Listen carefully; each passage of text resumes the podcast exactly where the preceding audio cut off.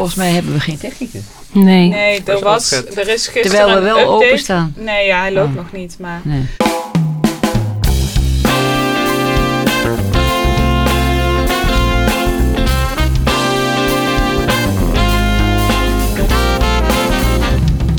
Welkom bij Trace, natuurlijk je lievelingsplek voor onderzoeksjournalistiek. En nog steeds over hokjeszorg.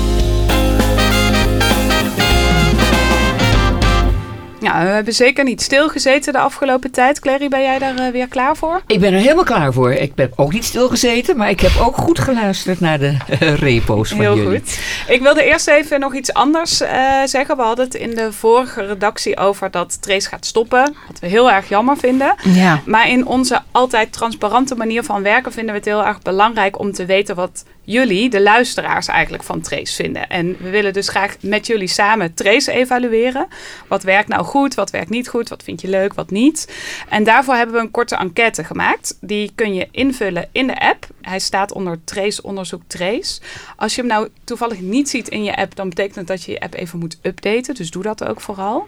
En als je via een ander kanaal luistert dan onze eigen app, dan kan je de enquête ook gewoon invullen. Dan kun je naar www.vpro.nl slash trace. En dan komen we later nog op terug wat we er nou eigenlijk allemaal eh, van geleerd hebben.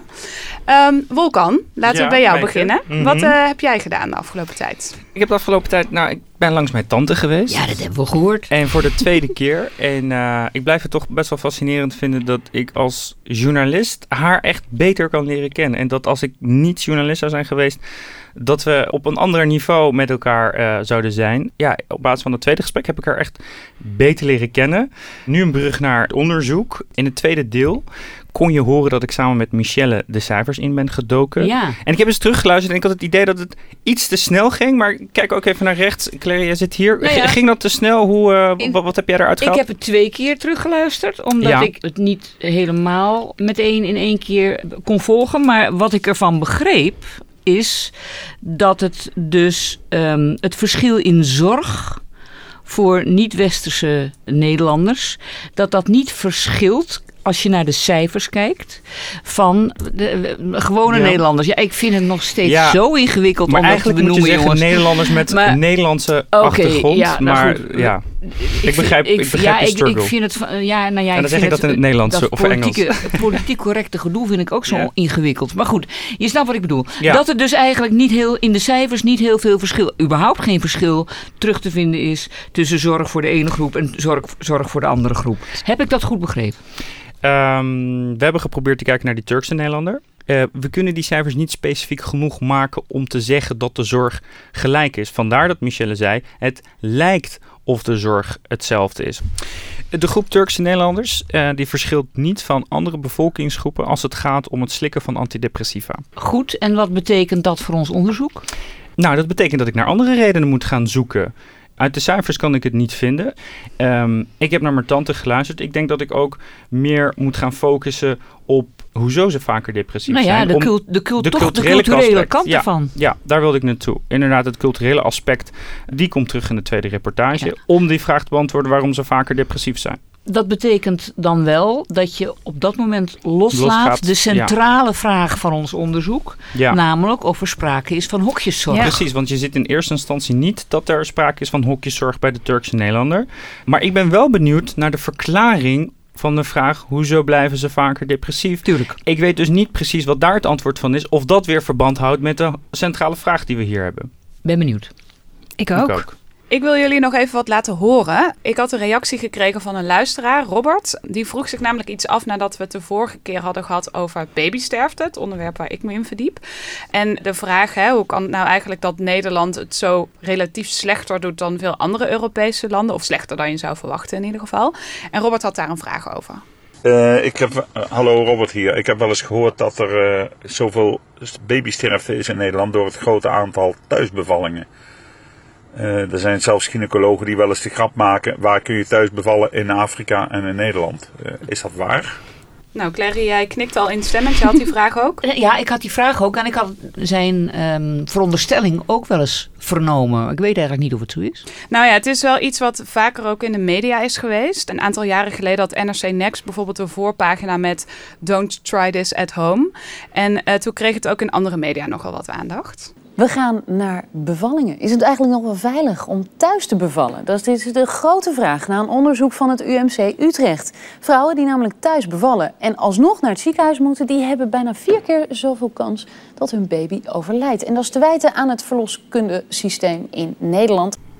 Nou, dit eh, werpt nogal wat vragen op. Ja. Ehm, ik ben eigenlijk heel nieuwsgierig hoe dit zit. Ik heb nu nog geen tijd gehad om dit heel precies uit te zoeken. Maar ik vond het belangrijk om het vast even met jullie te delen. Want ik wil hier wel meer over weten. En als er nu iemand luistert die hier een tip over heeft... of wel eens wat interessants over heeft gelezen... stuur het me vooral, want Ik, ben ik heel ik, weet wel, ik weet wel dat er in de tijd, toen heel veel te doen is geweest, inderdaad over de kwaliteit van de vroedvrouwen. Vroedmannen zijn er misschien ook, dat weet ik eigenlijk niet. Maar ik kan me inderdaad helemaal niet herinneren hoe dat verder is geëindigd. Nee, ja, wat ik heel erg tegenkwam is dat er een aantal verschillende wetenschappelijke onderzoeken naar zijn gedaan. eh, waar wel echt verschillende dingen uit zijn gekomen. Maar om dat nou heel precies te kunnen duiden, vind ik het belangrijk om dat Hm. nog even wat, Zeker. wat beter te lezen. Maar, maar stel je voor, Maaike, je eerste gevoel, zou jij, maar mocht je zwanger worden, zou jij dan thuis bevallen of niet? Hoe, hoe, hoe zou jij daarin staan? Ehm, Hypothetisch, je bent niet zwanger, jongen. voordat ik met dit onderzoek bezig was, had ik al het gevoel van, nou, laat je dat alsjeblieft in het ziekenhuis doen. Want dan weet je zeker dat als er iets misgaat, dat je in goede handen bent. Maar misschien als ik eh, hier wat dieper induik, dat ik Ja. daar anders over denk. We gaan het me de volgende Ja. keer vooral nog een keer. We gaan het horen van, eh van Factcheck Mijke deze keer. Oh yes. Hey Maaike, wat ik heel opvallend vond aan jouw reportage... is dat dus autochtone Nederlanders in een achterstandswijk... dus witte mensen, er nog slechter voor staan... dan Nederlands met een migratieachtergrond. Ja, dat was wel eh, iets wat mij ook opviel toen ik aan het researchen was. En het is eigenlijk wel een hele interessante groep waar het over gaat. Hè? Het zijn vrouwen die dus in achterstandswijken wonen, vaak heel veel problemen hebben. Eh, Mhm. Gaat het om schulden, het gaat om huiselijk geweld, eh, vaak iets van verslavingsproblematiek. en, Of gewoon armoede. en armoede, maar dan, dat hangt natuurlijk met al die factoren Nee, maar- ook samen. ja, maar ook, dat heeft ook met eetgewoonten en dat Ja, soort dingen te maken. Zeker, leefstijl is ook een heel belangrijk iets bij die vrouwen. Ehm, en dan, eh, ja, dan is natuurlijk de vraag, hoe komt het dat die niet-westerse migranten in die achterstandswijken, die ook vaak in armoede leven, ehm, dat die het dan nog beter doen dan deze vrouwen, die eigenlijk dus iedere keer als slechtste uit de bus komen. En dat komt eh, omdat die autochtone vrouwen in een sociaal isolement leven. Dus eh, zij kunnen echt op niemand in hun omgeving terugvallen als ze hulp willen zoeken voor die problemen. En die vrouwen met die niet-westerse migratieachtergrond, die leven vaak wel in een sociale groep binnen die wijk. Dus die Of familie. meer hulp. En Ja. familie inderdaad. Of mensen met dezelfde achtergrond met wie ze veel omgaan. Of Hm. via het geloof dat ze veel mensen kennen. Maar alsnog gaat het niet goed daar.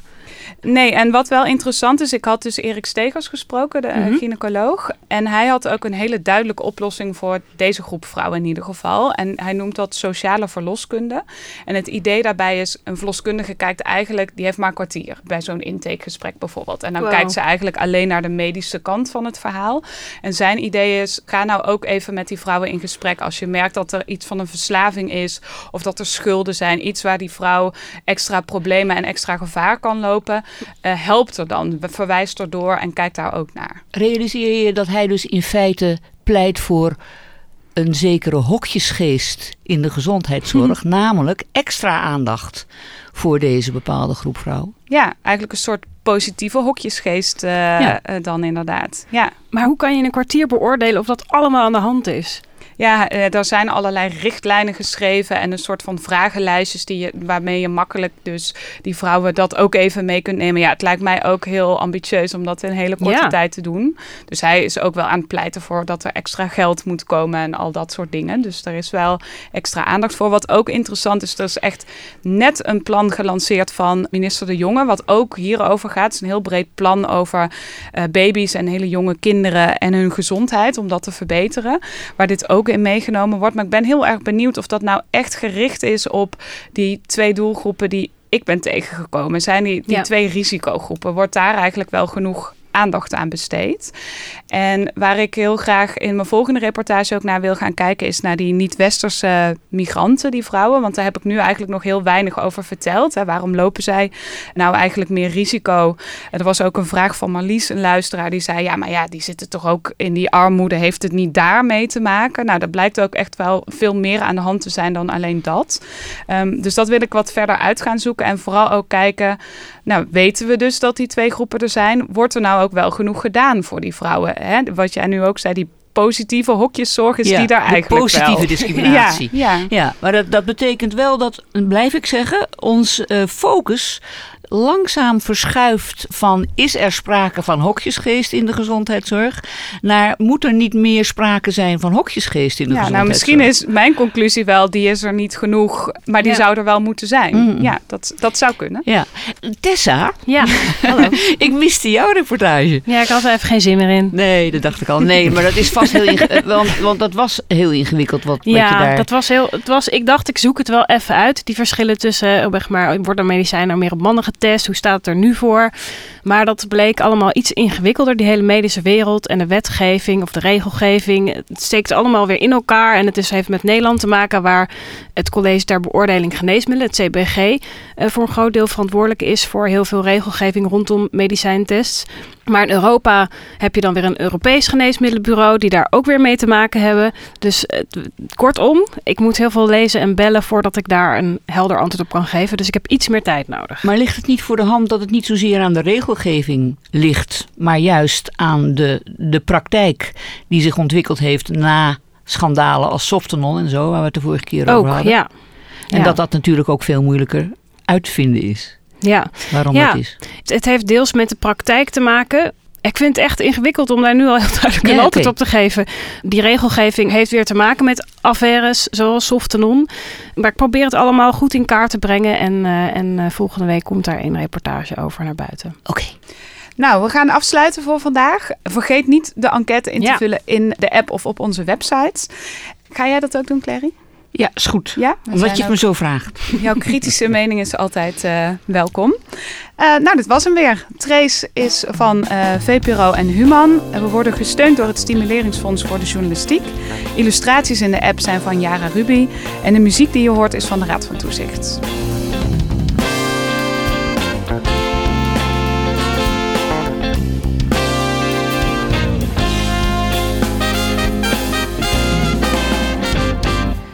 Een shout-out naar Zoe van Alphen, onze online tracer die Trace tot leven wekt op social media.